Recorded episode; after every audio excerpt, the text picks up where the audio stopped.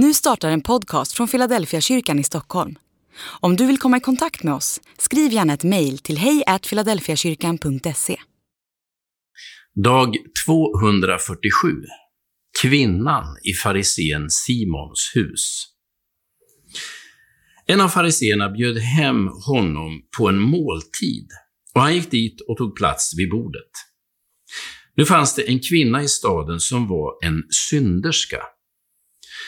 När hon fick veta att han låg till bords i fariséns hus kom hon dit med en flaska balsam och ställde sig bakom honom vid hans fötter och grät. Hon vätte hans fötter med sina tårar och torkade dem med sitt hår. Och hon kysste hans fötter och smorde dem med sin balsam. Farisén som hade bjudit honom såg det och sa för sig själv, om den mannen vore profet skulle han veta vad det är för sorts kvinna som rör vid honom, en synderska. Då sa Jesus till honom, Simon, jag har något att säga dig. Säg det, mästare, sa han. Två män stod i skuld hos en penningutlånare. Den ena var skyldig 500 denarer, den andra 50. När de inte kunde betala efterskänkte han skulden för de båda. Vilken av dem kommer att älska honom mest? Simon svarade, den som fick mest efterskänkt, skulle jag tro. Du har rätt, sa Jesus. Och vänd mot kvinnan sa han till Simon, du, se den här kvinnan.